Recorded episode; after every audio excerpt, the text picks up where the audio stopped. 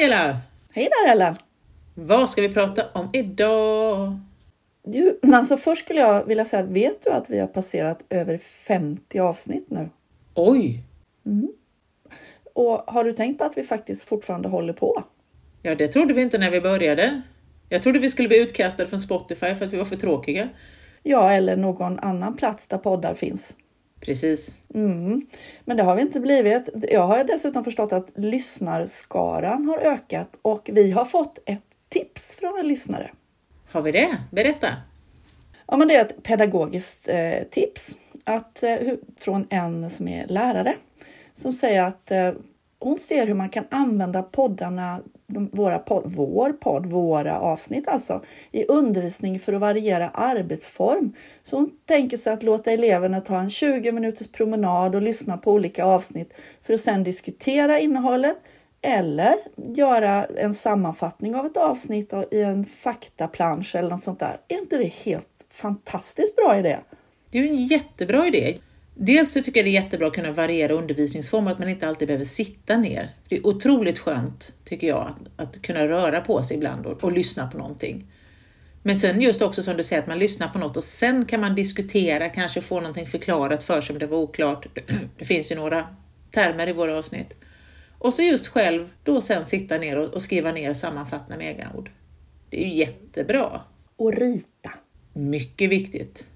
Man kan titta på bilder på internet, men ritar man själv, då lär man sig mycket. Vi ska inte glömma bort den mekaniska inlärningen. Nej, nej, alltså jag, tack, tack snälla för, för det här tipset. Ja, det tackar vi och bugar för, verkligen. Men annars du så tänker jag grönt och smått idag. Väldigt smått och väldigt grönt. Oj, oj, oj, oj! Kan det vara... Nej, jag vågar inte gissa. Vad kan det vara? Det är faktiskt evglenor. Oh, det är ett vackert namn. Mm, visst är det. Jag- gillar evglena. Man ska kunna skriva en sång om det. Vem vet? Det kanske någon gör någon dag. Det blir inte jag i alla fall. Men som du vet så när det gäller klassificering och så, så följer jag ju Algebase. Det gör ju du också. Oh ja. Glenorna tillhör den stora slaskgruppen protister. De är varken växt, bakterie eller djur, för de passar liksom inte in. Men med det sagt så finns det nya indelningar och då hamnar evglenorna. Jag säger det här lite, det låter lite vulgärt att säga evglenorna, men det, det passar så bra. Det, det låter så bra i munnen tycker jag. Evglenorna. Ja, hur som helst, då hamnar de i riket Excavata. Men riket Excavata hamnar ibland i sin tur fortfarande i Protista. Så det är en djupsuck som vi brukar säga. Naturen skiter ju fullständigt i att vi människor vill ha etiketter på allting. Men jag gillar ju ändå att eh, excavata, det vill riket som vi gräver upp. Underbar liknelse. Men om vi går tillbaka till algebesta så, så blir det filum, Evglenophyta och klassen Evglenophyse. Men sen hoppar vi rakt ner till släktet Evglena. Ja, nu kör vi. Där är vi. Vi får väl ha lite historia, eller vad säger du? Ja, men jag gillar historia. Då måste jag börja med Ehrenberg, för först på bollen var ju då Ehrenberg och han, han tarvar allt ett par minuter av din tid nu Ellen. Ja, jag ger dig min tid. Christian Gottfried Ehrenberg. Han föddes 1795 och han beskrivs som en tysk naturalist, zoolog, jämförande anatomiker, vad nu det ska vara, geolog och mikroskopist. Och vi kanske ska förklara för tittarna att naturalist betyder alltså inte någon som springer runt utan kläder utan att man tyckte om naturen på den tiden. Eller? Ja, jo, sant då, men, men eh, naturalist på den tiden inbegrep ju att man var också forskare och forskare om naturen. Det här var ju innan naturvetenskapen var riktigt urskild som vetenskap, så det var ju liksom naturintresserad till skillnad från kanske då mer religiöst intresserad. Det är ju intressant, för han läste också teologi. Men du, jag gillar den där beteckningen mikroskopist. Ja, jag tänkte nog att du, det var den som du sa med extra kärlek. Jag känner att jag skulle ha ett visitkort där det står Algela mikroskopist. Ja, men varför inte? Ja, en snygg bild på någon kiselalg. Nej, hör, du, eh, han var som sagt även teolog och han anses vara en av de mest berömda och produktiva forskarna under den här tidsperioden. Inte illa. Nu, håll i dig nu. Hans samling av 40 000 mikroskopiska preparat finns på Berlins naturhistoriska museum. Hörde du? 40 000. Det är ju helt galet. Jag måste ju leta efter dem nästa gång jag är i Berlin. Det där vill man ju se. Kanske inte alla 40 000, men det skulle i alla fall vara kul att få se lådorna de står i. Ja, alltså jag skulle ju gärna jobba mig igenom några tusen om jag fick möjlighet.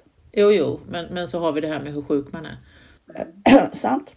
Men vi kanske ska besöka Berlins naturhistoriska museum vid tillfälle. Jag tänker att vi tar nattåget ner. Oh ja, bra idé. Han hade en dotter, han hade fyra döttrar. Först så fick de faktiskt en son som dog och sen så fick han fyra döttrar. Och hans yngsta dotter Klara Ehrenberg, hon jobbade 12 år tillsammans med sin pappa och hon klassificerade, organiserade och skrev och hon publicerade även en del själv för hon var en duktig illustratör. Hon gifte sig aldrig och det, på den här tiden så tänker jag att det kanske var för att hon ville vara oberoende, vad vet jag då? Hon behövde inte hänga upp sig på någon make utan hon kunde bestämma själv. Och sen så hängde den här Christian Gottfrid med Humboldt. Honom väl du koll på Ellen? Ja, då kommer ju veckans boktips. Alexander von Humboldt, Vetenskapens bortglömda hjälte av nästan din namne, Andrea Wolf. Det är en jättebra bok. Alexander von Humboldt är supercool. Han gifte sig heller aldrig för att han var blatant ointresserad av det motsatta könet. Intressant. En oerhört fantastisk person som, åh, ja, den boken är riktigt, riktigt bra faktiskt. Men vad kul att hon, här har vi ännu en sån här kvinna som jobbar bredvid en, en man, får möjligheten för att vi har någon, någon som då kan och jobbar och är otroligt skicklig. Och jag kan förstå om hon inte ville gifta sig, för jag menar i Tyskland där, då, det var ju ganska så att då var du kvinna så var det ju skaffa barn och Mm. så att det kanske inte var, det kan kanske vara roligare att jobba med alger. Mm. Även om det var mikroskoppreparat. Hon har en publikation från 1905, men den var lite mer allmänt. Jag undrar inte om den kanske mest handlar om mm, pappan och, och så vidare. Jag ska låta det vara osagt dock.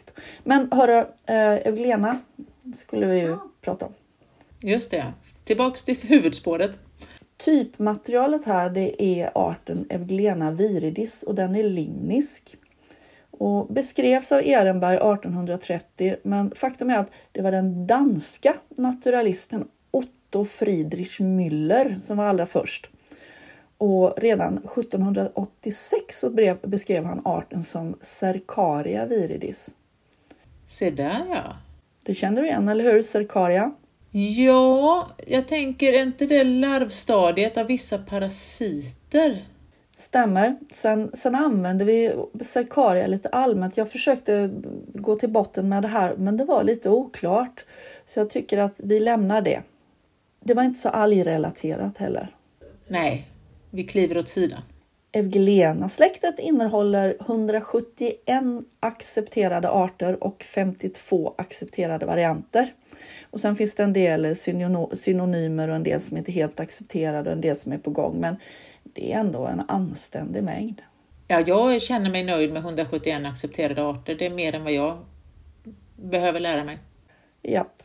De flesta finns i limniska miljöer, men en del i, är marina. Då. När jag säger limniska, då är det alltså limniska och marina sjöar och hav.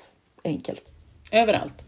Och gröna dammar i något land, alltså det är såna riktigt illgröna dammar, där är det ofta att eh, euglenorna blommar. Men det måste inte vara just euglenor, för vi har ju mängder av, av grönalger också. Oh ja, oh ja. Och sen har vi en art som heter Euglena sanguinea och den är lustigt nog röd. Ja, men det hörs ju på namnet. Sanguinea. Som Deleseria sanguinea. Rödalgen. Hur, hur tänker du kring sanguinea då? Sangria eller? Nej, det, blod. Sang. Franska. Du tänker så. Du tänker blod, jag tänker vin. Jag säger inte att jag är vampyr eller att du är alkoholist. Men vi, Ja, men eh, att den är röd är ju för att det är andra pigment som är mer framträdande. De flesta av glenorna fotosyntetiserar, men några är heterotrofer. De tar alltså upp organiska ämnen, typ äter då fast de inte har någon mun. Och några växlar mellan autotrofi och heterotrofi och det har vi pratat om innan. Då blir det mixotrofi. Det är lite coolt tycker jag när man kan växla sådär och vara... Ja men det är lite grann som sådär Stockholms vegan som äter kyckling. Den har jag inte hört. Den var bra. Okej. Okay. Eh, när de är heterotrofer så ägnar de sig åt fagocytos. Det är en variant av endocytos. Så att stora näringspartiklar de innesluts i väck i cellmembranet och så blir det näringsvakuoler. Och eh, är de autotrofer då är det som vanligt kloroplaster och fotosyntes.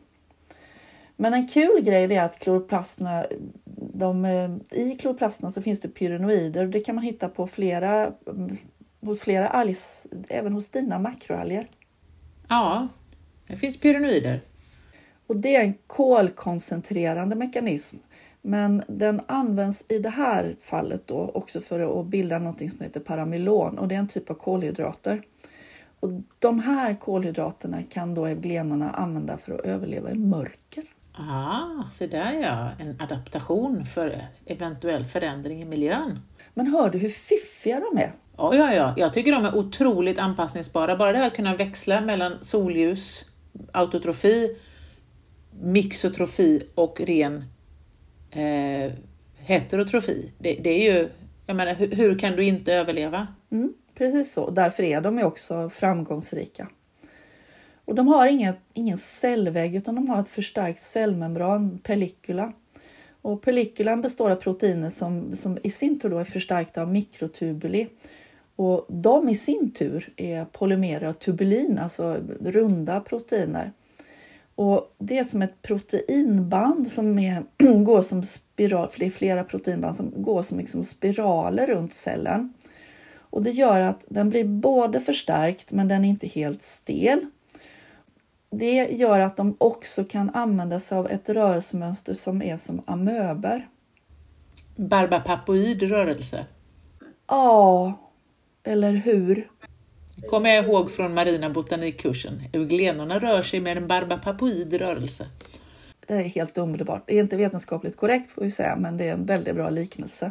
Men det häftiga med dem då, det är att de har ju både det här, det här sättet att röra sig, alltså de pressar sitt, sitt cellinnehåll eh, mot pellikulan och då expanderar det så blir det som falska fötter, det kallas för pseudopodier. Men sen kan de också använda en av sina två flageller till att röra sig. Så de kan växla mellan att ha en rörelse med flageller och sen kan man då plötsligt se på samma cell ändra sig och så rör de sig då som amöber eller ja, barbapapper. Så de har flageller också alltså? Mm, det har de. De har två stycken. De, de flesta av dem har två flageller, men eh, den ena är lång och den andra är väldigt, väldigt rudimentär. Och så finns det några som har um, alla flagellerna som bara att de är, har börjat bildas så de syns inte överhuvudtaget utanför cellen. Som våran svanskota ungefär då? Ja, det är en bra liknelse. Kanske det är en flagell, vem vet? så kan det vara. Men det är otroligt häftigt att se när de rör sig och det rekommenderar jag faktiskt att alla googlar. Det finns flera korta filmer på Youtube. Man bara söker euglener och, och rörelsemönster så hittar man mycket häftigt. Sen förökar de sig genom delning och eh, det finns ingen dokumenterad eh, sexuell förökning, men några har man observerat konjugation, även om det inte är sådär jätteutbrett vad man har sett i alla fall. Och konjugation det är ju när två celler lägger sig jämte varandra och så utbyter de genetiskt material, men de är fortfarande två celler, alltså det blir inte, blir inte fler celler. Det gör ju bakterier med hjälp av pili, som ett litet sugrör eftersom de har enkelsträngat DNA så kan de bara liksom klippa upp den som lilla ringen och skicka in det till varandra. Ja, just det. Här bildar de med kanaler då, där de, de kan utbyta det. Men varför kan det vara bra, Ellen? Nu tänkte jag helt plötsligt att det här påminner om pitplugs som rödalger har. Ja, men det här är ju bra för att annars så kan det bli väldigt inavlat. Och varför är det inte bra att vara inavlat då? Nej men det är ju väldigt bra att utbyta genetiskt material så du får en variation för då har du också en större möjlighet till anpassningsbarheten. Och det är gissningsvis det här som har gjort att de kan, är så anpassningsbara, att de har utvecklats i olika miljöer och sen har de kunnat byta ut materialet så att man har fler, mer möjligheter. Du hade fått rätt för det på tentan. Tack så mycket, tack så mycket. En sak till, det här med, med flageller och jag berättade hur de satt och så vidare, det är att vid basen där liksom den långa flagellen utgår, där finns det en liten röd prick som är en ögonfläck. Åh, det där känner jag igen från mina blåstångsspermier. Ja. De har också en röd ögonfläck, eller orange. Ja, men vad häftigt. Det här gör att på svenska kallar man ibland den här gruppen för ög ögonflagellater eller ögoncellsalger. Det finns som vanligt flera olika svenska namn. Men det är en organell och då är alltså, när man säger organell så är det ett litet, litet organ som egentligen inte är ett organ. Och det består av flera karotenoider och karotenoider är färgpigment. Och det är inte så att de fungerar som ögon utan de, istället så filtrerar de solljuset som sen når ytterligare en struktur. Det är bara vissa våglängder som når just den här strukturen. Jag vill inte veckla in det för mycket, men den är inblandad i hur cellen orienterar sig mot ljuset och det kallar vi då fototaxi. Men det där är ju roligt för att spermien hos blåstången har ju också två flageller, den hör ju till heterokonto, fytar där, och har en ögonfläck som också då rör sig, i det här fallet, från ljuset. Så där ser man ju vissa likheter ändå, även om de inte är nära släkt så ser man att samma organellfunktion finns. Det är spännande. Det är så häftigt. Evolution är häftigt. Väldigt fräckt. Ja, men du, jag har några skoj... Allt det här är ju skojigt, men jag har några extra skojiga fakta om du orkar. Jo, det är klart jag orkar.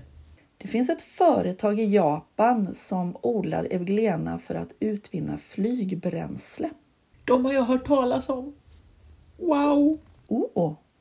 125 000 liter biobränsle slash flygbränsle per år. Det är rätt mycket ändå. Det är jättemycket, tycker jag. Men det kan bli mer. Sen kan man äta torkade glenor och det sägs att det ska vara som torkade sardinflingor. Jag vet inte hur man får för sig att göra sardinflingor, men ja, det är så det beskrivs. Det är inte så att man liksom, åh, nu ska jag äta en sked glenor här, utan, utan det används som tillskott i andra matprodukter. Jag tänker för att få fram umami, den nya smaken. Ja, just så. Men du, sen är det något som jag tror att du gillar, att man eh, tar med sig evglenor ut i rymden. Gud så spännande! Och då handlar det i den här beskrivningen som jag har läst att syresätta vattnet åt fisk som man också då har med sig. Coolt! Sen var det lite oklart om man redan har gjort det eller om det var så att man planerar att göra det. Men det kan vi säkert googla fram. Mm, det gör vi till nästa gång. Men nu får det ena räcka va? Det gör vi. Så pratar vi makroalger nästa gång tänker jag. Ja, kul! Får du ha det fint till dess då. Vi hörs! Tjing tjing!